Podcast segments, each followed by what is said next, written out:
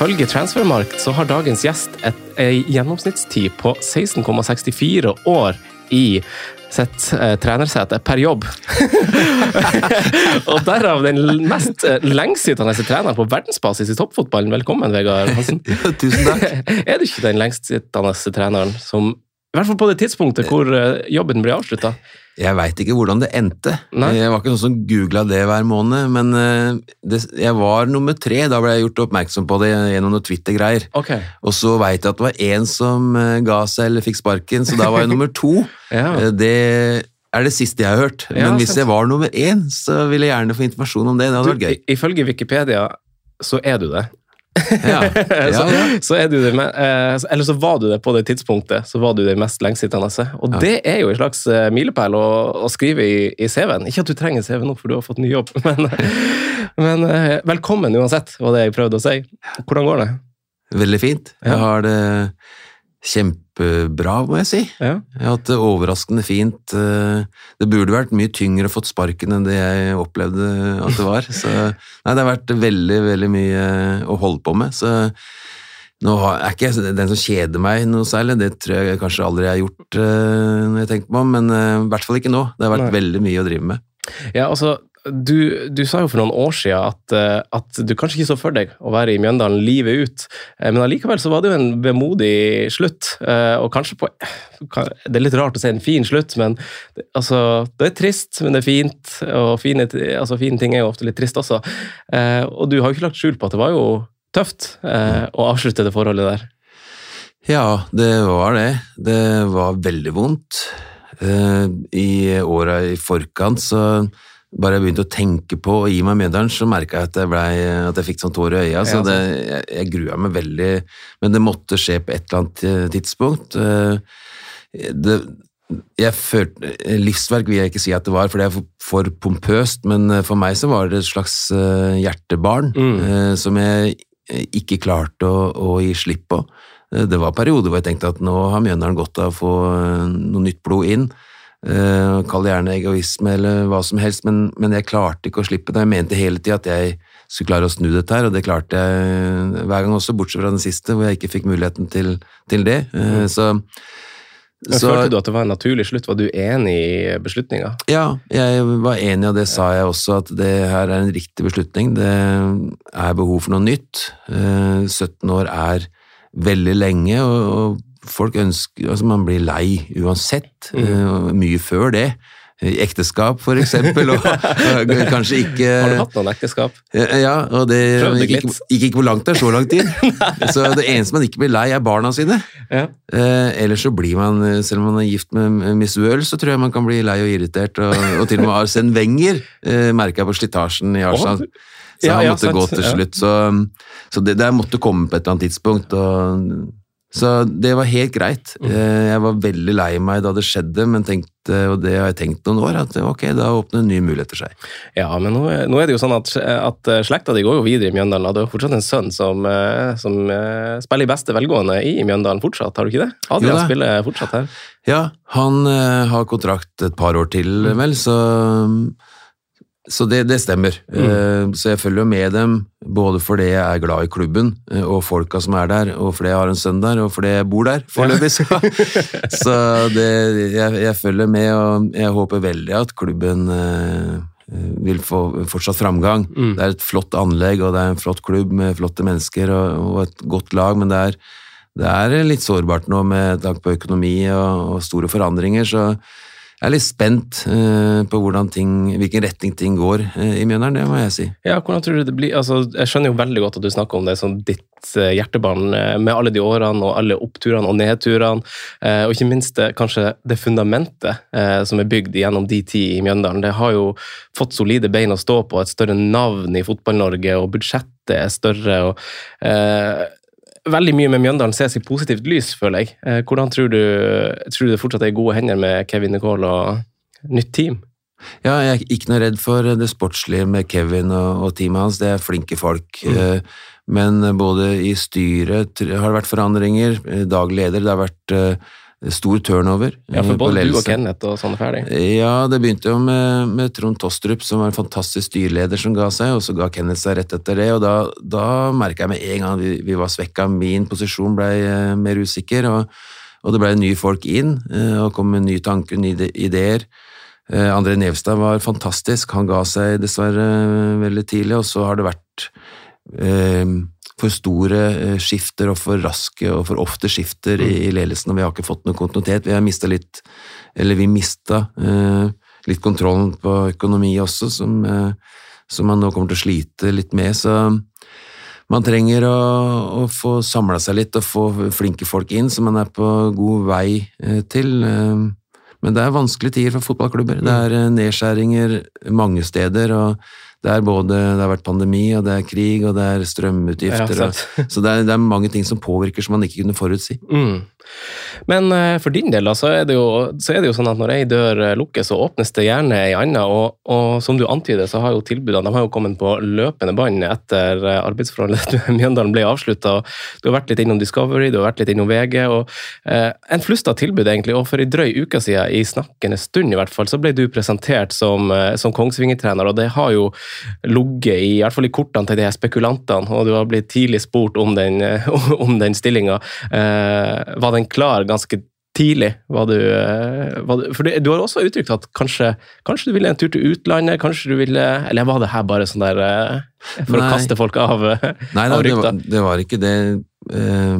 For det første så, så sa jeg veldig fort at jeg ville tilbake som trener. Mm. Men så kom jeg inn i Discovery og begynte ganske fort da å tenke at ja, skal jeg egentlig det? Jeg syns det der var ganske gøy. og, og Sitte og krangle med Christian Gause? ja, ja, det var, jeg syns det var kjempegøy og, og veldig lærerikt. Utrolig flinke folk mm. i Discovery der, og hvordan man eh, holdt det gående med livesending i timevis.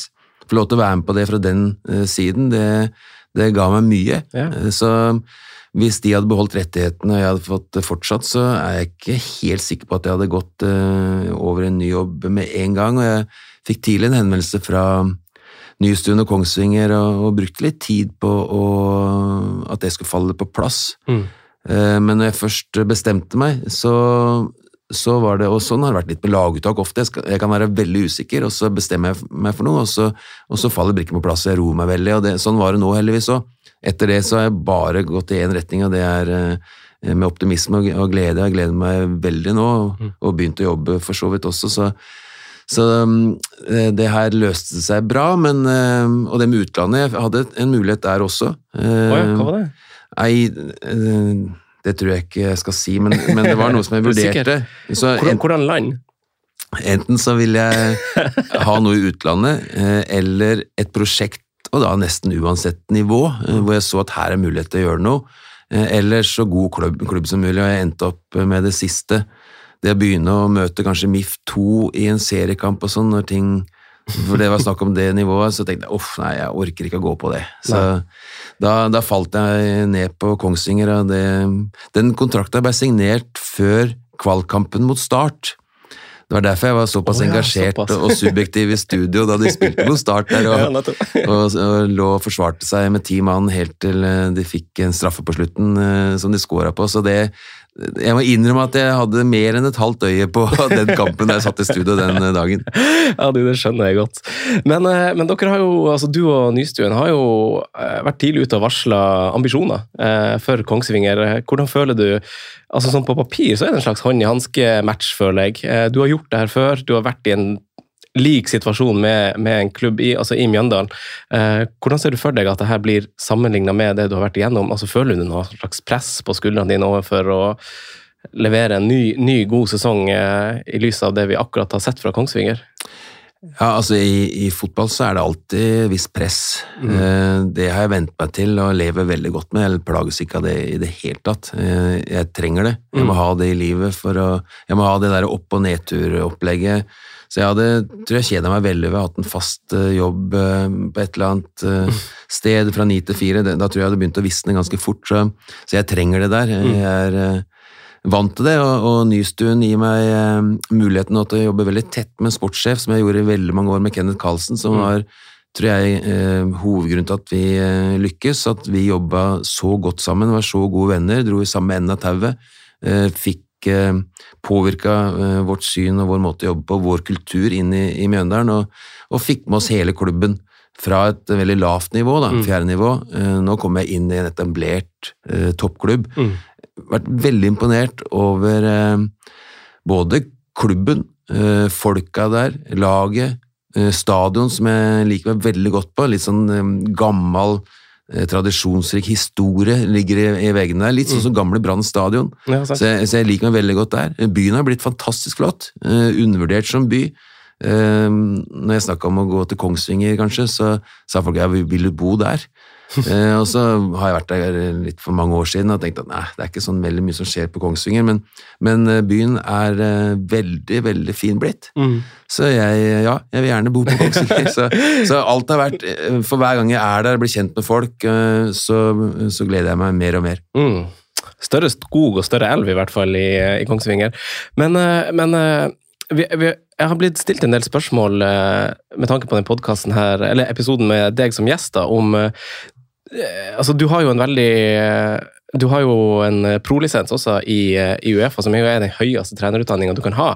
Eh, og oppnå som medlem i Uefa, i hvert fall. Eh, men, men jeg, jeg lurer litt på jeg har blitt stilt litt spørsmål om hvordan, hvordan, du som trener funker. og har hørt på en del podkaster, du snakker jo en del om det. og Du kom jo inn her og sa sånn der ja, jeg er litt vant til å svare på, svare på, på, på trenerrelaterte spørsmål. Men, men, hvordan vil du se på deg sjøl eh, som, som, eh, som, trener? Hvordan type ledelse ønsker du å, å stå for som trener?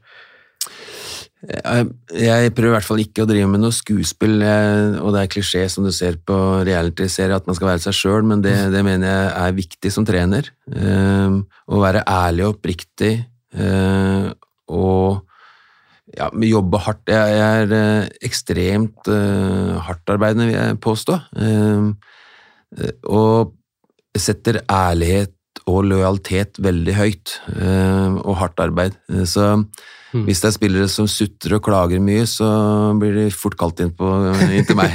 Det, det, er jeg ikke noe glad i. Så, eh, om man er god eller dårlig, det, det, det, er opp til oss å finne gode spillere og utvikle dem, mm. eh, men man må bruke det man har, så godt som mulig.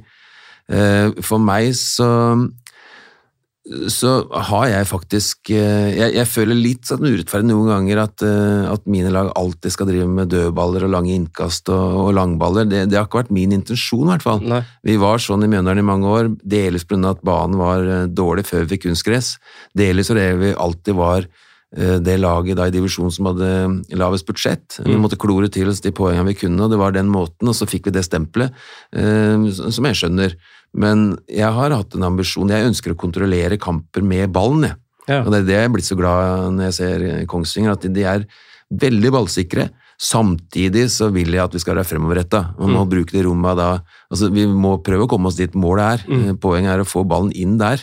Og da må vi nærme oss der på et eller annet tidspunkt, og så fort som mulig som rommene ligger åpne. så Uh, gjerne kontrollere kampen med ballen, mm. men fremoverretta. Og så liker jeg aggressivitet og hardt arbeid. Jeg liker spisser som, som banker i press, og, mm. og, og, det å stå høyt og uh, Benjamin Stokke og sånn? Ja, Benjamin Stokke var ikke den enkleste sånn sett. Jeg, jeg liker de som uh, som naturlig elsker å gå i press før jeg ser muligheten til å gå i press. Ja, så jeg slipper, Idet jeg må mase på at en spiss skal gå i press, så er det for seint.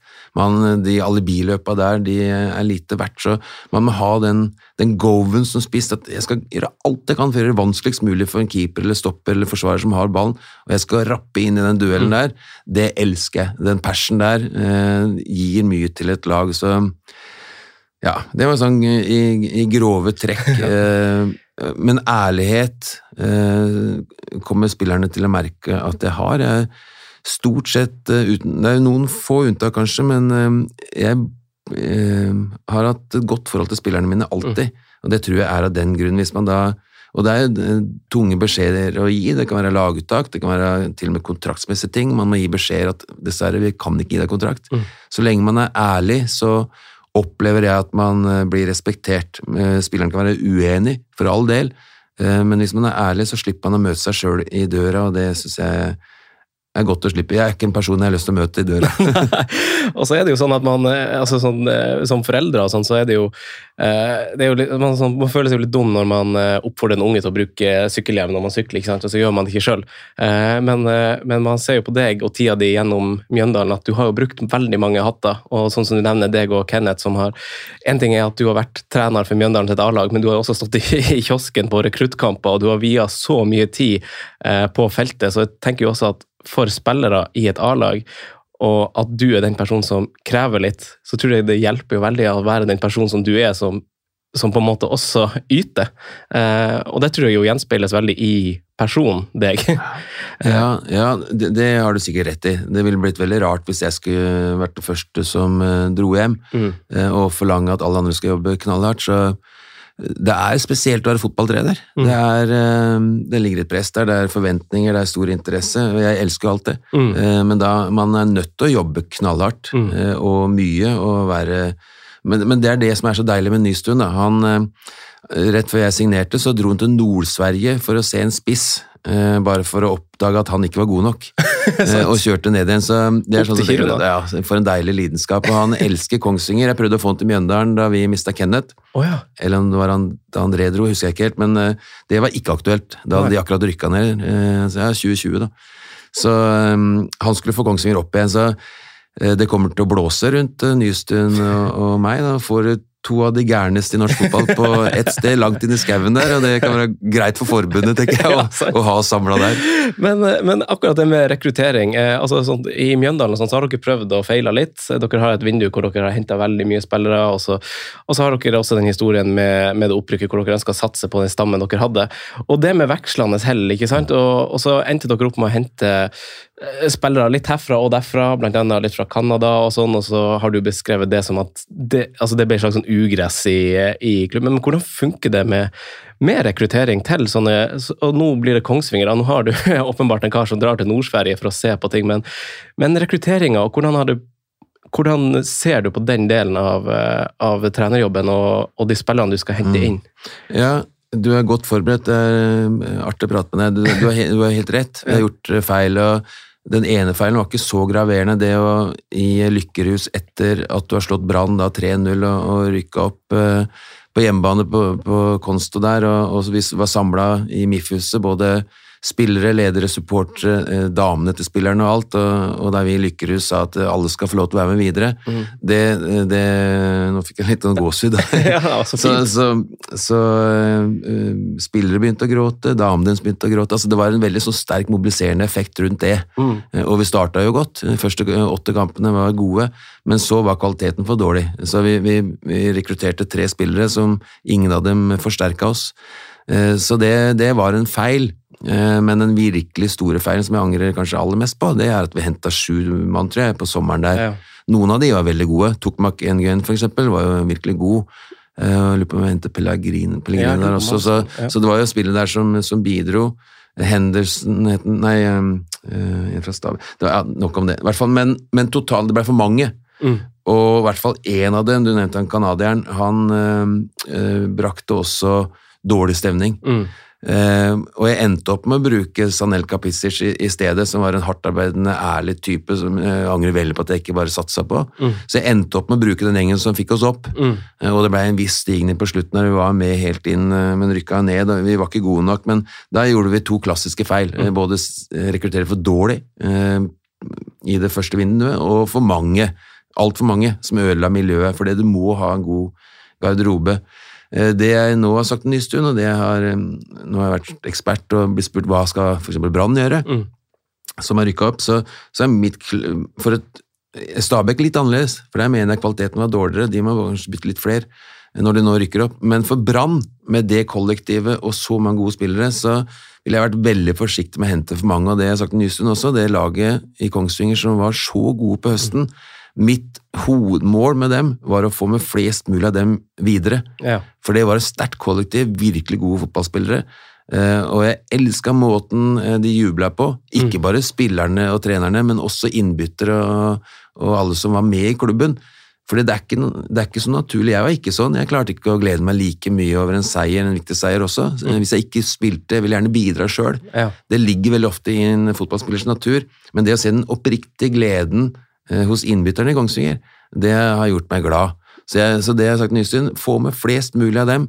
Det er mitt primære mål, og så kan det godt hende vi skal rekruttere da, men, men med ordentlig kvalitet, og noen få som kan supplere med noe vi ikke har fra før. Mm. Det er interessant, og du har jo også vært en, eh, en type trener som har eh, blitt Jeg vet ikke om uh, mulig, du må rette på meg om jeg tar feil, men du har i hvert fall blitt en mer fleksibel uh, trener. Med, på Transfermark så står det at du liker 4-3-3 attacking, men det er jo ikke nødvendigvis sant. For du har spilt mye 4-4-2, du har prøvd deg med tre bak. Er du en type trener som eh, Altså, jeg føler at formasjoner sånn er nesten litt sånn, sånn trender. At det, det vet kanskje du bedre enn meg, men jeg føler jo at noen spiller med tre bak og lykkes med det, og da skal plutselig flere gjøre det. Og så har du 4-2-3-1 som er populært noen år, og så er det 4-3-3. Eh, hvordan føler du, altså, føler du at du tilpasser deg spillermaterialet, eller, eller har du en veldig sånn klar stil på hva du ønsker, og så henter du og trener ettersom? Nei, du har helt rett igjen. Det er, det er trender, og det, det er smittsomt noe smitter. Og de som lykkes, eh, da, da smitter det, og det er helt fra Eller fra Ajax og Nederland i sin tid, og ikke minst eh, presset til eh, til eh, Atletico Mad- Madrid og alt dette her. Så, så, så det er, og Barcelona, tikka taka. Så dette er, det er trender som helt der går. Og det er på formasjon og, og spillestil. Jeg, jeg, er pragmatisk, jeg, i utgangspunktet. Og som spiller så likte jeg forandring. Hvis, hvis det gikk dårlig, så, så jeg vi må prøve noe nytt. Eh, og, og hvis det passa meg, så, så likte jeg det. Men som trener, så hvis man låser seg inn i noe, så, så er min erfaring at jo, eh, jo mer man strammer skruen, jo, jo mer man trener på, på det samme jo, altså, Alt dette her eh, gjør at spillerne eh, blir, får alt det negative stresset. Mm. Hvis man da skal ha lengre møter. Så da har jeg opplevd det som befriende å prøve noe nytt. Ja, nettopp. At det er en ny, liksom, ny giv. Ja, ja, å få ny energi, bare det, forandring for forandringens del. Men så har spillerne i Mjøndalen vært veldig sånn at de, de ønsker, og klubben etter hvert også, for tilbakemeldingene hver høst har vært at vi, vi vil ha én spillestil, én formasjon, jobbe med det over tid for å bli best mulig på det. Og ja, jeg skjønner veldig godt det. Eh, Glimt eksempel i Norge er jo eksponenten på det, som har vært fantastisk på det. Men så har man internasjonalt hvor man er mer opptatt kanskje av eh, det å kunne bytte i forhold til motstander. Jeg var på foredrag med Bielsa nå, han var, er jo ekstremt opptatt av det. Hvordan møter man 4-2-3, hvordan møter man trevekslinje for å forsvare seg mot dem. Ja. Så, så det er veldig stor forskjell på det, og det, jeg kan ikke si at det ene er riktig og det andre er feil, um, men mi, mitt inntrykk er at hvis man jobber med ting over tid, så blir relasjonene sterkere, og man blir bedre på det. Men hvis man låser, fast, låser seg fast i noe, så har jeg likt å forandre. Mm. Så, eh, og når det gjelder eh, formasjon, så jeg, jeg kan alle formasjoner. Mm. Jeg prøvd alt. ja, sant? Jeg syns det er spennende med Jeg syns alle formasjoner har sine fordeler. Eh, Det jeg ikke liker, er den gammeldagse 4-3-3 trikkeskinnet hvor man har motsatte bevegelser på innerløper og kant, eksempel, men den pragmatiske måten å spille 4-3 på, som Liverpool eksempel gjør, eh, City og, og ikke minst Glimt, hvor man kommer med, med bekker mellom motstanderens bekk og stopper, eksempel, Ja. hvor man har rotasjonsplassbytter hele tida, det er forferdelig vondt å spille mot. Da Ja. synes jeg 4-3 er fantastisk. Ja. Um, Men så har jeg alltid vært i klubber hvor man rekrutterer spillere, spillere ut fra tilgjengelighet, pris, kvalitet, ikke posisjon. Som Nei. gjør at uh, man får da uh, så og så mange forsvarere, midtbanespillere, angripere. Og så er spørsmålet har man vinger eller innoverkanter. Uh, har man eh, Adrian Paul i sin tid, som, jeg hadde, så, som var ekstremt bakromssissig. Veldig få av dem nå i norsk, i norsk fotball Mm. som liker å ta løp uten ball. Men jeg hadde noen sånne, og da, da bruker jeg dem. Hvis jeg har en type som Martin Rønning Ovenstad som venstre kant, så er det ikke noe vits i for meg å begynne- å mase på han at han skal gå i bakrom hele tida. For det er verken liker han eller kan han. Ja. Så derfor så har jeg fått spillere, så og så mange i hvert ledd, og så må jeg tenke hva kan jeg få ut av de her? Mm. Og da har jeg definert hva slags formasjon eh, jeg bruker, og da er det særlig kantene, om jeg har vinger, bakgrunnsvinger eller innoverkanter. Okay. Har, jeg, har jeg kanskje en tier pluss en spiss, ja, kanskje jeg skal spille 4-2-3-1. Så, så, men særlig kantene har jeg definert det. For det, det jeg aldri har lykkes med, det er å få spillere over tid til å gjøre noe som de ikke liker. Ja. Alle liker å gjøre det de kan. Ja. Eh, Jeg kan ikke danse, derfor så gjør jeg aldri det. Da står jeg heller i baren, Ja. eh, for jeg kan drikke. Eh, Så da, da velger jeg det. Og sånn er det med folk flest. De gjør, hvis du, vært, hvis du er sikkert god til å danse, da gjør du det når du er ute. Hvorfor tror du det? Nei, det, sånn, det ser litt sånn lett og ledig ut. og myk. Nei da. Men sånn er det. Og, og sånn er det med fotballspillere òg. De liker ikke å gjøre ting de ikke kan. Og, og da har jeg for lenge siden slutta med å tvinge dem til det. Ja. Nei, men Det høres ut som eh, fornuftig. Jeg gleder meg i hvert fall til å følge prosjektet, og jeg gleder meg også til, eh, til å følge det på, på TV 2. Jeg tror det blir bra, bra norsk, eh, norsk serieår i 2023. Du, Vi skal videre i programmet og snakke litt om din egen karriere. fordi Du har nemlig vært en tur innom England, du har vært tusen ganger i Godset. Du har vært en tur opp i Lofoten, du har vært i Kongsvinger, du har vært i Stord. Du har vært litt her og der, rett og slett. Og så skal vi snakke, om, snakke litt mer om Mjøndalen før jeg avslutter med en slags quiz til deg, Vegard. Og jeg gleder meg til å teste deg litt på norsk eh, fotball etter hvert. Du som eh, Drammensgutt, eh, Vegard. Nei, nei, nei. nei, nei, nei. Banner jeg i kirka nå? Ja, ja, ja. Okay. Ikke Drammensgutt, jeg er fra Vikersund. Ah, du er fra Vikersund? Ja, Ja, ok. Ja, ja, da, da, da, Og hvis jeg skal være tilbake. hvis jeg, skal, jeg er Drammen kommune, men jeg, jeg, er noe, jeg har vært mjøndøling i 17 år. Ah, Drammensgutt har jeg aldri vært. Du har ikke det, nei? Men hadde ikke du litt sånn eh, altså Da du kom til eh, Mjøndalen, fikk ikke du litt sånn klysestempel for å være en slags sånn Drammensgutt? Jo, det kan godt hende. Ja, ja. det, Men det er kanskje man kan være, gjennom via man kan være klysete uten å være Drammensgutt. er det langt fra Vikersund til Drammen? eh, 40 minutter Ja, med bil. sant. sant. Eh, men, eh, men ok, da sier jeg ikke fra Drammen til Bristol, da. Da sier vi fra Vikersund til Bristol. Nei, Men- fra Strømsgodset. Jeg var, jeg, altså, jeg var godsegutt i mange år. Jeg spilte i godset. Ja, ok, Så det blir riktig å si Drammen på den måten, ja. Ja. Fra godset til, eh, til Bristol, da er, vi- da, da er vi der. Da er vi der. eh, altså, du, du fikk jo, i gåseøyne i hvert fall, eh, drømmen oppfylt. Eh, Proffdrøm i England. Eh, og du har vel sjøl uttalt også at, eh, at du, eh, du var kanskje ikke den beste, du var stopper eh, i de ti som spiller, og du uttrykte vel også i, altså etter du har lagt opp at du var kanskje ikke den beste stopperen i Norge på den tida, men du fikk eh, det oppholdet likevel. Hvordan ble det til at du dro fra Drammen til, eh, til Bristol City? Ja, jeg har aldri spilt landskamper, eksempel. Eh, var, så Nei, jeg var ikke på det nivået, men dette her var en tid hvor Hvordan år var det her? Ja, Jeg dro til England i nitt- var det 94 til 96. Ja, okay, Ja. Eh, da hadde akkurat Altså 69-generasjon, da. Jeg er født i 69. Mm. Eh, der har du Henning Berg og Tore Pedersen og, og. Halle og Bjørnby. Altså alle de der hadde på en måte eh, gått opp en, en sti inn til England. Eh, og fikk rykte på seg for å være knallharde, hardtarbeidende, disiplinerte, seriøse. Mm. Eh, alle de var jo det, i mer eller mindre grad, så, og, og lykkes jo mange av dem. Mm. Så norsk fotball hadde en enorm posisjon uh, i England, og jeg hadde vært i godset noen år, uh, og i 94 jeg hadde vært kaptein i hvert fall ett år, kanskje to, hadde en, hatt en god sesong. Eh, jeg var uh, en helt en, ja, ganske god eliteseriestopper, eh, og, og så hadde jeg en enorm lidenskap for engelsk fotball. Eh, den kom gjennom tippekampen, og, og faren min eh, som guttunge eh, på 70-tallet. Jeg ble umiddelbart fascinert av de eh, jordete vinterbanene, lange, tjukke kinnskjegg og, og Kevin Keegan og den ærlige eh, måten å spille fotball på. Jeg elska det fra første sekund. Så, jeg, eh, så gjennom faren min delvis, men tippekampene kom det. Så jeg hadde alltid en, en drøm om å komme meg til England. Og når jeg skjønte at det var mulig, så fikk jeg, fikk noe tilbud etter den sesongen, både Tromsø og Kongsvinger var det vel da også, faktisk. Så, men så eh, snakka jeg med Dag Vidar Kristoffersen, som jeg visste hadde kontakter der borte, eh, og sa hvis dere har lyst til eh, Det var vel før Bossmann-dommen, tror jeg, så de skulle få penger for meg uansett. Så hvis dere har lyst til å, å tjene litt mer enn at jeg går til Kongsvinger eller Tromsø, så kan dere prøve å få meg til England. Ok. Eh, Og det gjorde Dag Vidar, gjennom Mike Hendigan og Leeds, som han hadde kontakt med. Så kom jeg en tur til eh, Bristol og Barnsley. Og så fikk jeg faktisk tilbud begge steder om å komme tilbake igjen. og eh, Russell Osman var eh, manager da jeg kom eh, på prøvespill. Da hadde jeg slitt i bånn. Eh, og da husker jeg snakka med kona hans etter en kamp der, og da, da sa hun at det er ikke noe spørsmål om om man får sparken, det er bare et spørsmål om når. Ja, sant. Og det skjedde så fort jeg dro hjem igjen fra det prøvespillet, så fikk jeg sparken. Joe Jordan kom inn. Eh, og da fikk jeg en telefon på en torsdag om jeg kunne reise over Nei, en onsdag. Om jeg kunne reise over på en torsdag, trene på fredagen og spille mot uh, Barns Nei, spille mot uh, Hvor var det Fjørtoft spilte da? Oi, det aner jeg ikke. Nei, Nei. ja, i hvert fall så møtte vi uh, laget til Fjørtoft. Ja.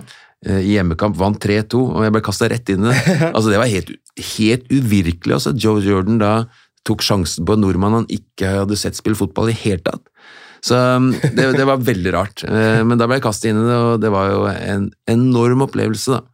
Eh, Å klare å, å, å slå dem, for det første. Bare gå til man of the match, og det var en fantastisk start. og Nei, det var eh, Vi rykka ned, men jeg opplevde drømmen, og det, jeg angrer, det er det jeg angrer mest på i livet, at jeg ikke fortsatte i England når jeg var inne i det. ja, hvorfor gjorde du ikke det? Hadde du muligheten til det, og hvorfor eh, valgte du å vende hjem til, eh, Nei, til Drammen? Som de aller fleste andre så kommer en nedtur i profflivet. Jeg bodde alene der borte, hadde kjæreste i, i Vikersund. Og, og, og det er jeg så skuffa meg sjøl, for jeg, ser på meg sjøl som en som er mentalt sterk, men det var jeg ikke da. Jeg ikke sterk nok. Nei. Så det begynte å gå dårlig sportslig. Jeg ble satt av laget, kom ikke med i tropp etter hvert, eh, og merka at manageren ikke hadde noe tillit til meg lenger. Og, og det var veldig lett for meg da muligheten kom til å reise hjem til, til godset og bare gjøre det. Mm. Og tenke at det, det er mye bedre. Altså, så fort jeg kom hjem, mer eller mindre, så angra jeg.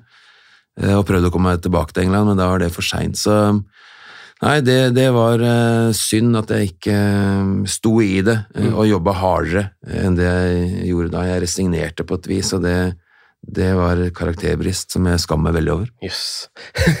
Men hvordan var, hvordan var kulturen i England, da? Fordi da, altså, altså fotballen eh, altså, du, du nevner jo Wenger i stad. Noen som gir han skryt for eh, altså alt med kosthold og alt med treningsregime og sånn som han brakte med seg og nesten implementerte i Premier League. Men på den tida du var der, så var det vel ganske mye pub og pils. Eh, og da var vel du fort vekk en av de som var eh, ivrigst på feltet? Og, ja, og- ja det, det, det var også en tabbe. eh, For jeg dro dit for å spille fotball, Mm. eh, og, og det var det eneste jeg gjorde. Så jeg, jeg trente jo eh, mye. Jeg trente styrke ekstra. Jeg husker det Det ble ikke likt av de andre, for fordi jeg trente Gikk på gymmen eh, når vi var ferdig på feltet, og da kom de andre inn og sa at dette må du faen ikke gjøre, for at hvis manageren ser deg nå, så kommer vi i et dårlig lys. Kom deg ut derfra. så, så det var litt sånn. Og, Men og det, sa han, sa det liksom med litt sånn glimt i øyet og litt sånn spøk, eller var det litt sånn seriøst? Nei, nei, Å, ja. nei det var, og som utlending så er det fort en sånn foreign twat. Ja. Eh, så hvis du, ikke, hvis du driver trener Dette opplevde Bjørnbu sikkert, og i hvert fall Riise. Ja, Eh, Den der golfkølle-greia med Ja. Bellamy, altså det var det som lå bak. Mm. At de ikke tror du er bedre enn oss. Ehm, og det, det her, dette tok ikke jeg på alvor.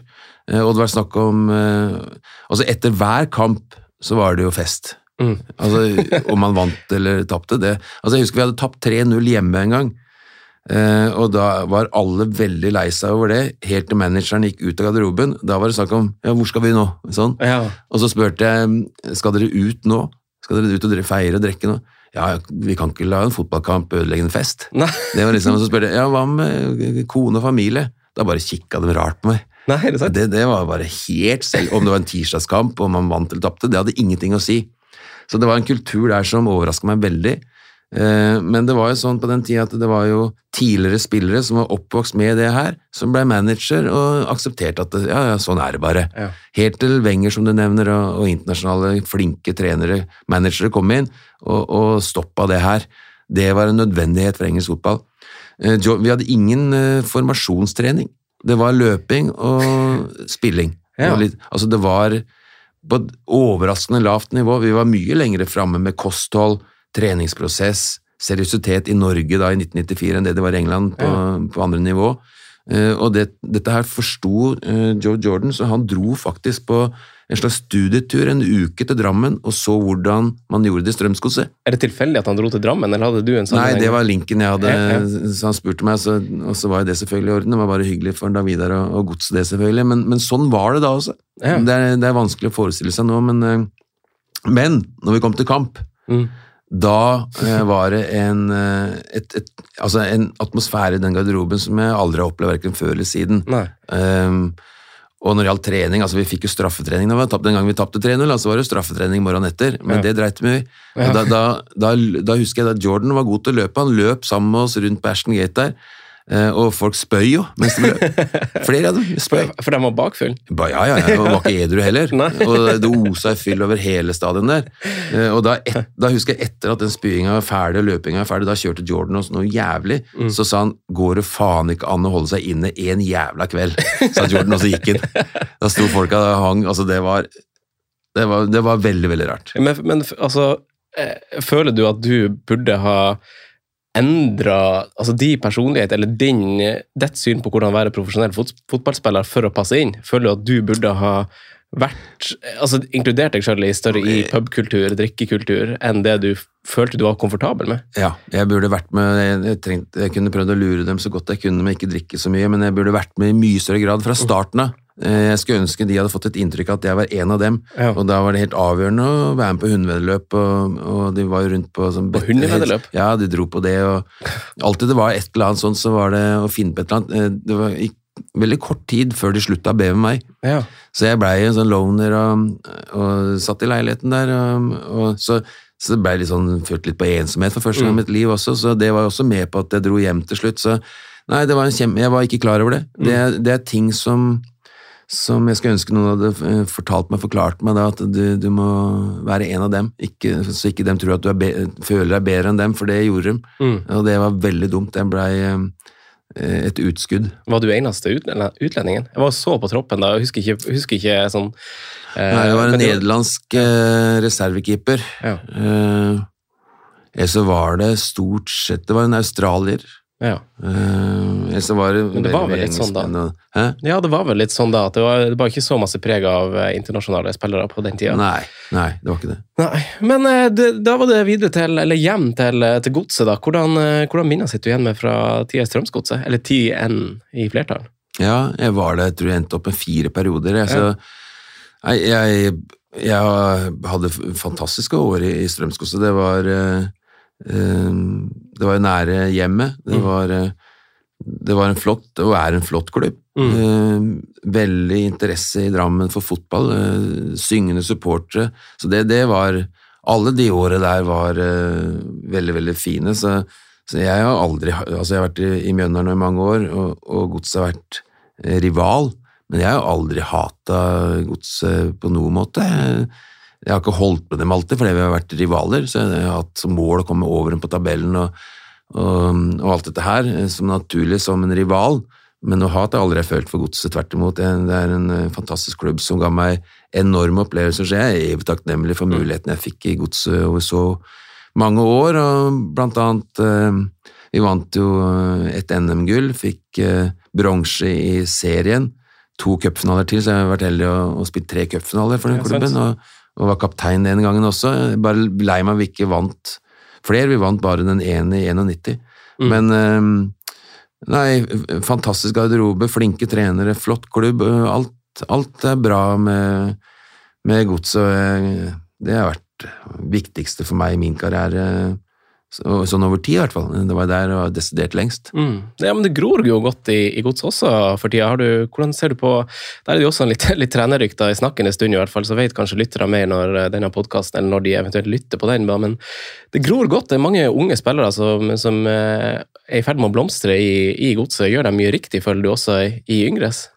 Jeg kjenner ikke klubben, klubben godt nok, og nå skal jeg ikke skryte for mye av godset, for hjertet mitt ligger eh, akkurat nå 100% i Kongsvinger, men da har jeg ligget i Mjøndalen i, i nesten 17 år, så, så, men hvordan godset har jobba, det, det kjenner jeg en del til, men eh, tenker ikke å bruke så mye tid eh, på Skal- det. skal av hvis, hvis Mjøndalen og godset skulle møttes nå, så hadde jeg helt åpenbart holdt på Mjøndalen. Ja. Så, det, men det jobbes godt i Mjøndalen òg. Ja, det- De har fått opp eh, kull der nå som kommer til å prege Mjøndalen eh, i tida som kommer, så ja, godset for seilelsen Egensjø egen for meg eh, en stund til. Ja, Veldig bra.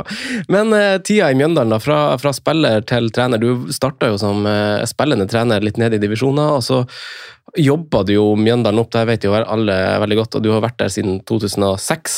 Uh, og fra, fra spiller til, til trener, hva, hva ser du på som høydepunkter og, og sånn fra, fra tida i Mjøndalen? Totalt sett, Ja, mener du? ja. Ja, det der Vanskelig å er plukke på 17 vanskelig. år. ja, ikke sant. Ehm, et av de viktigste øyeblikkene var faktisk opprykket fra fjerde nivå mot Elverum med en pur ung Vegard eh, Egen Hedenstad, faktisk. Som eh, veldig god 15-åring, eh, offensiv inneløper. I Elverum, ja. Ja. ja. Så slo vi den på Braskreidfoss, eh, de spilte der for den- de gjorde om banen sin. Så det var utrolig tett kamp med ekstraganger og alt. som Altså Da hadde de prøvd i flere år å rykke opp i Mjøndalen uten å klare det. Spillerne begynte å bli utålmodige, det, det følte jeg litt på. Så jeg er usikker på hvilken retning Mjøndalen hadde gått hvis vi ikke hadde rykka opp da heller. Oh, ja. Så det var ekstremt viktig. Eh, men så er det sånn i livet, i hvert fall for meg, at det er, det er vondere å miste noe man har, enn ikke å få noe man kan få.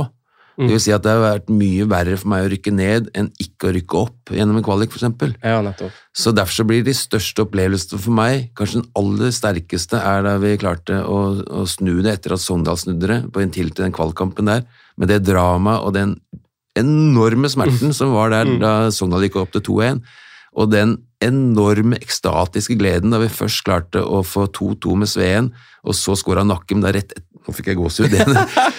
Og vi klarte å snu det, og vi vant da 3-2 og klarte å åh, en, Vi får enda et år i Eliteserien. Så, øh, og vi slo Vålerenga også på Konsto i siste seriekamp året før. Så de to eh, siste kampene av sesongen hvor vi akkurat klarte å holde oss, det er for meg den største ekstatiske gleden. Så det er faktisk større for meg enn opprykket mot Brann, selv om det historisk sett vil kanskje stå med gullskrift i, i klubben. Så, så er det det å, å ikke bli tatt fra noe. Eh, derfor er de to nedrykka de, de tyngste. Eh, ja, det er sånn at man tenker at Altså Da bruker jeg litt tid på egentlig å, å absorbere og fordøye det, for det, det, det er så, så smertefullt og så vondt. og man jeg plager meg sjøl helt til jeg med hva kunne jeg gjort annerledes, og det er jo hundrevis av ting som man ligger våken av på nettene, selvfølgelig. Ja, sant. Eh, Jeg tenker jo også at du har jo, altså du har jo, så lenge som du har vært i klubben, så er det jo, det er jo mange spillere òg som har fulgt deg lenge i klubben. Eh, og, og du har jo jeg tenker jo at Du blir jo en veldig stor del av gruppa, eh, og dere blir veldig sammensveisa som gjeng. og Man får jo veldig det inntrykket når man ser sånn som alle gutta, og det ligger vel fortsatt på TV2 Play, tror jeg. Jeg fikk et innspill fra, fra, fra en kar du kjenner, om å om å spørre deg om. Nå håper ikke jeg er blitt lurt ut i et spørsmål, for man kan jo ikke stole på de folkene. Eh, men men han, han, han ba meg spørre deg om en, eh, en, en drikkelek i, eh, i Tyskland, i Berlin. en botur. Ja. Ja, kan du kan, ja, det, det er alt det, det er alltid. Be, han- be han fortelle om en drikkelek i Berlin. Hva skjedde i Berlin? ja, altså når det gjelder drikkeleik og avslutningstur, så er det øh, veldig mye å velge i. så jeg veit ikke helt hva han tenker på, men, men jeg tror kanskje det er den gangen hvor vi var inne på en fasjonabel eh, restaurant. Flotte satt jo familier rundt om, eh, og der kom jo den bulkgjengen fra, fra Mjøndalen med med materialmann i spissen, som er en ordentlig gladgutt. Eh, og det, var, det er drikkeleik, det er terningleik. Eh, jeg går jeg går ikke ut på byen uten terninger, alltid med terninger. Hvordan funker det spillet? Ja, det er, det er eh, Meyer heter det, dansk spill. Meyer, eh, om å gjøre for 2-1, eh, så videre.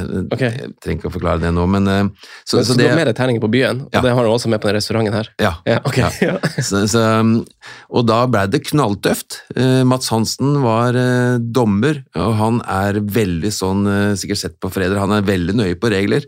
Så det ble, det ble knallhardt, og, og folk ble eh, gode og fulle. Mhm.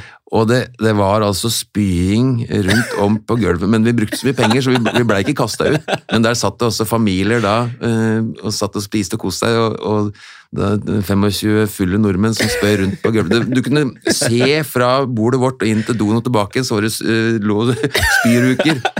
Og, og det endte med jeg veit ikke hvorfor, jeg tror det var noe Mats Hansen fant på at uh, Lars Arne, da, han materialmannen jeg snakker om, han, han klarte ikke å ta straffa si. Og da sa jeg da heng, vi henger den, sa jeg. Så for det var sånn jævla bjelke over der vi satt. Så, så tok vi altså et belte, tok et belte og over der og, og tok en Lars Arne og hang den der. Så da hang altså over bordet. Etter halsen? Etter halsen, ja. Vi henger den, se. Og det var Mats helt enig i. Så vi løfta han opp på bordet og hang den i det beltet, og der hang han altså god stund. Og med spy overalt. Ja, det, altså, det var helt galt, Mathias. Dette er mange år siden, og bare legge til. Vi blei mer ordentlig. Og det, det var et, Kenneth og jeg var med, vi var spillende eh, sportssjefer og trenere, både Kenneth og jeg.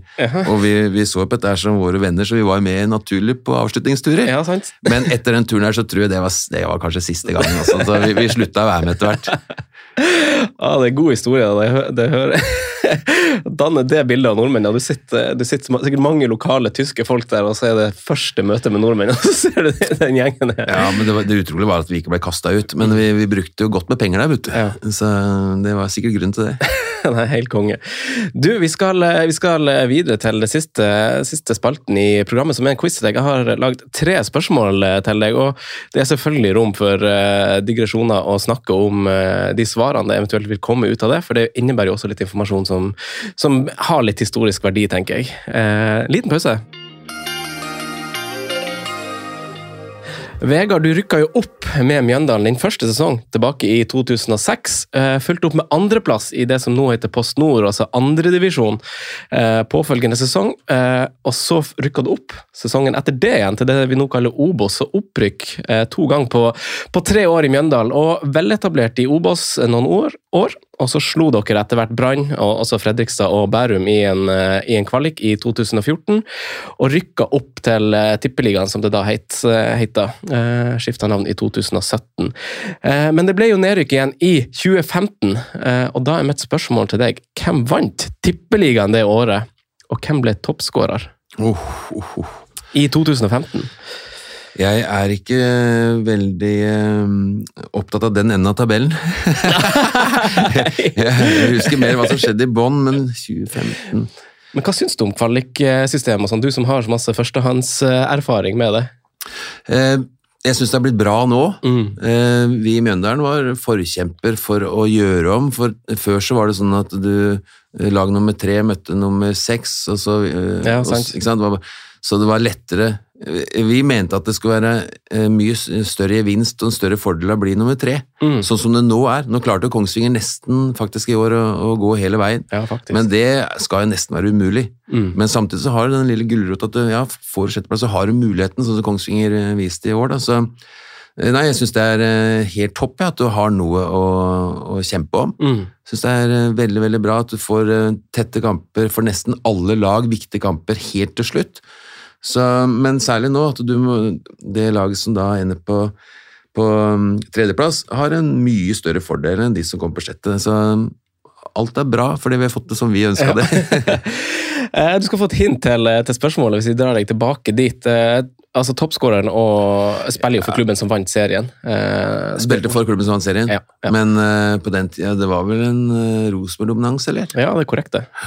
Eh, Så Rosenborg vant jo serien. Eh, Toppskåreren dro jo da videre til Frankrike kort tid etterpå. Eh, Ja. Kan det ha vært eh, Sørloth?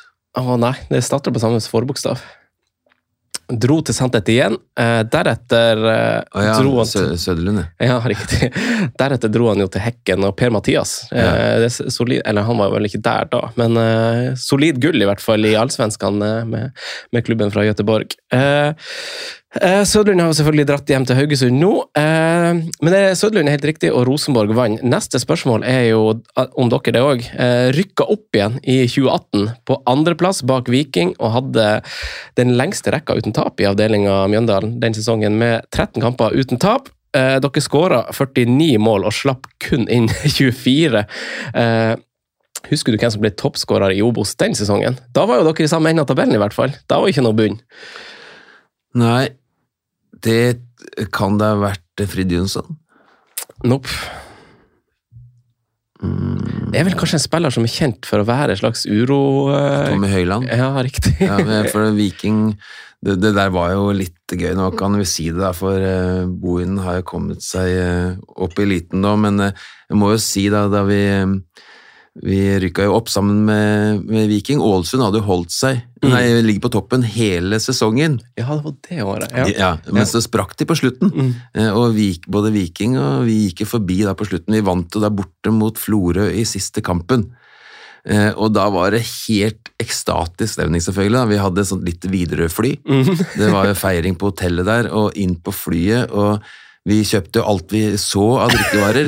Satt, det var sånn gammel, omtrent som en gammel buss hvor det var en sånn femseter helt bakerst. I Der- Widerøe-flyet? Ja, Ja, ja. der satt Karlsen og jeg blant annet. Hvorfor man kunne slå ned et sånt sete og få midtrabatten der? Eh, Nei, det var, det var midtrabatt, og så var det eh, helt bakerst flyet så var det eh, fem-seks seter da, ja, som yes. dekte hele bredden. Der de kule gutta satt. Ja, ja. de, de rampen satt bak der, og Karlsen og jeg satt jo der da, og hver gang hun der med tralla kom, så kjøpte vi, så til slutt så hadde jeg ikke mer igjen. Vi kjøpt, eh, og da sa hun hun hadde aldri solgt så mye før på én innenlandstur, Ja, for- ja, ja, så det, det gjorde da. Ja, for det var Og- lurte på hvor lang er den flyturen her? Nei, det var ikke så lenge, vet du, men vi kjøpte alt du hadde. Vi spanderte jo på alle hele Det var nesten bare, nesten bare mjøndringer. Ja. Og da endte det med at hun sa at nå har jeg ikke mer. Dere har fått alt vi har av alkohol. Så sa Karlsen mye koster flyet. han var så høyt oppe. Da skulle han kjøpe altså et fly. Og så begynte han vet du, på en eh, Karlsen er fin når han, eh, når han er i form, og så begynte han med telefonen. vet du, skulle sende, det du driver med, se? Jeg sender melding til en Kvalik-Lars. På, på flyet? På flyet. Er det lov? Ja, vi brød oss ikke om noe, vi da. Og Kvalik-Lars, det var jo Lars Bohin, vet du. Ja. For de fikk 59 poeng, Ja. og vi fikk 60 eller et eller annet. I hvert fall, de, de kom rett bak Viking og oss på det 59 poeng. Så skrev Hei, Kvalik-Lars. Gratulerer med en god sesong, men eh, du må ha 60 poeng for å rykke opp. Det holdt dessverre ikke på 59. Kvalik-Lars. Så den sender du. Kan ikke sende Jeg sender den. Men eh, han gjorde det ikke. Han gjorde han det, det ikke. Men da kan jeg si at da var det god stemning bak i det flyet. Det, det, var, det det det var gøy, og vi kom til Mjøndalen eh, etter hvert, og det var helt vilt, helt fullt inn i hallen der, og det var eh, det, Jeg kan love deg, det er moro å rykke opp. Ja, det tror jeg på. Det må være noe av det morsomste som finnes, faktisk. Men, det, men det, som, det som er litt artig med Mjøndalen, dere har jo hatt litt utfordringer med å skåre mål en del av de sesongene, spesielt kanskje siden den 2014-sesongen, og denne blant annet den 2018-sesongen, hvor, hvor dere skårte bare 49 mål og likevel får en andreplass. Sesongen før hadde dere jo Amal på topp, eh, Pellegrino, som jo, da skårte dere 56. Eh, Glimt var veldig overlegen med 83 mål den sesongen der. Eh, men eh, du, altså, dere har noen gang hatt tydelige målskårere, dere hadde, men kanskje spesielt Amal den sesongen, og så har dere en sesong med Kirkevold i 2014. Det er de eneste sesongene siden 2014 jeg klarte å telle at dere har en toppskårer som har skåret mer enn ti mål. Ja. Eller mer enn åtte, faktisk. Ellers er det sånn Christian Gauseth, Quint Jansen, og så stoppere som skårer fire-fem mål. Er det der eh, skoen har trykt i noen år, føler du? Er det en spesiell grunn til det? Det er dårlig scouting, da. Vi har ikke klart å få inn eh, Vi hadde jo flaks med både Pål og, Pelle. Det er sånn på vårt nivå, som jeg sa, at vi må, vi må vi henter spillere eh, som vi tror kan gjøre det hos oss. Mm. Den første vi klar, kanskje klarte det med, var jo Mats Hansen, da, som, som fikk på, eh, på en måte fyken i, i godset, og som var med da Mjøndalen fra fjerde nivå helt opp til eliten, faktisk. Veldig sånn late bloomer. Ja. Erik Midtgarden, en sånn klassisk eh, signering for oss, eh, var i storklubb. Først Odd, og så Notodden, som var bedre enn oss da. Og så kom han til oss, fikk tillit og blomstra. Som var en virkelig god målskårer. Mm. Kirkevold hadde vært kant i HamKam. Eh, da var de på, på tredje nivå. Mm. Eh, Så han fikk vi litt sånn ut av det blå, eh, og satsa på han, og han viste seg å være en kjempesuksess. Sammen med Pellegrino, som, som han slo gjennom litt i Bærum, gikk til Lillestrøm, fikk ikke til noe der, og så henta vi inn, og han blomstra hos oss igjen. Mm. Så man skal ha litt flaks. Det, vi, har, vi har aldri kunnet kjøpe etablerte spisser, Nei. for det er det dyreste. Uh, Målskåre er ekstremt dyrt, så vi er nødt til å lage dem sjøl, og det lykkes man ikke alltid med. Så vi har endt opp med sånne halvveisløsninger som ofte ikke har slått til. Mm. Så det, det har vært en stor utfordring for oss. eh, Og vi rykka opp, som du sa, ved å være bånn tette bakover. Vi Mm. spilte sånn 4-5-1 med, med Jokke da, som venstrebekk, som spilte venstre kant, og så rappa han inn et frispark, eller vi fikk en overgang, eller Altså, vi lå lavt og, forsvarte oss, og vant typ 1-0 eller med ett mål Mm. i veldig mange kamper, og tapte veldig få. Eh, Så vi var veldig solide, men hadde ikke noen vi- Det var ikke noe blendende fotball, men det var nok til å rykke opp. Ja. Pellegrino, beste, beste spilleren du har hatt i Mjøndalen, eller? Beste avslutteren, i hvert fall. avslutteren. Altså fantastisk. eh, Beste altså, det, på, på feltet, da? nei, det er jammen vanskelig å, Vanskelig å si. Altså. Vi har hatt mange gode fotballspillere, men det å begynne å rangere dem, det hadde jeg trengt litt tid på. Mm. Men som avslutter av den sesongen hvor Pelle skåra så mange, særlig den ene sesongen, da, altså, og ikke bare skåra mål, men det var, det var kremmerhus. Mm. Uh, altså nesten alle. Altså Det var var helt uvirkelig, altså. Mm. Men du har jo sett noe i ettertid også, men vi, vi kunne jo avklare, og vi avklarte i retning han, da. Mm. Og han kunne ligge der og Det fikk han egentlig ikke lov til, men han gjorde det allikevel. Lå og tjuva litt. Men han jeg, og jeg, det var dårlig ledelse av meg. Eh, Knutsen har fått eh, enda mer ut av Pellegrino enn det jeg klarte, for jeg stilte litt for tøffe krav til den defensivt, og jeg var, var for hard mot Pelle noen ganger også. Jeg skulle latt han få litt mer frie tøyler, men jeg klarte ikke det opp mot kulturen. Er det en annen diskusjon. Mm. Um, men i hvert fall den ene sesongen da, så, så rappa vi bare ballen i retning av Pellegrino. Hvis han kom først på ballen og var én mot én mot en stakkars forsvarer, så kunne bare, da kunne han keeperen bare uh, stå og vente litt, og så kunne han plukke den ballen ut av nettet. Da rappa han den i motsatt kryss eller køla han i lengste. Og det var, det var altså så mange fantastiske skåringer. Mm. Um, så der var han desidert best, uh, men sånn fotballmessig, ferdighetsmessig, uh, så er det mange andre også som har vært gode. Mm. Eh, siste spørsmål er, altså Du skal jo til Kongsvinger nå. Du og Nystuen har jo som sagt snakka litt ambisjoner litt høyt. og Apropos det, i 93-94 så spilte Kongsvinger Europacup eh, under, eh, under Per Brogeland. Eh, Erik Holtan i mål, Geir Bakke på back, Christer Basma var kommet fra Bærum, og så klart i tieren, eller med tieren Geir Frigård. 1-1 på Ullevål eh, fordi Gjemselund ikke var godkjent eh, av Uefa. Spilte de mot Juventus. Trapattoni var trener, hadde Peruzzi i mål. 18-åringen Del Piero på benken, Conte spilte på midten. Eh, Det ble 2-0-tap i eh, Torino, riktignok, så, så det ble jo ved, ved drømmen, men allikevel, det står seg med en 1-1 der. Eh, Juventus skårte tre mål over to oppgjør mot Kongsvinger. Andreas Møller og Ravanelli var målskårerne i Torino, men hvem tror du skåra Juventus et mål i Oslo? Det her var jo faktisk din primetime. Du spilte i uh, Tippeligaen da. 93-94. Men, eh, Det, For det blir jo rein tipping, da. Eh, Er det en av de du nevnte nå, eller? Nei, jeg kunne ikke nevne han. Men, Nei, men, men, kan det Ja øh, Nevnte Ravanelli? ja, Ja, det gjorde jeg. han spilte den ene han spilte ikke på Ullevål, og det gjorde heller ikke Vialli. Men eh, det her er jo en For de to husker jeg jo som spisspar. dem det var hardinger å møte de to der. Ja, det Da var Juventus gode også, men øh, Nei, det er helt Gi meg et hint, altså. Jeg skal gi deg et hint. Eh, denne spilleren eh, Han spilte jo med en, eh, en spiller som hadde samme etternavn, eh, men ikke, de er ikke i slekt i det hele tatt. Eh, og målskåreren denne, altså, denne målskåreren, han var kaptein i den kampen. Eh, han har også, vant også Ballon d'Or i 1993.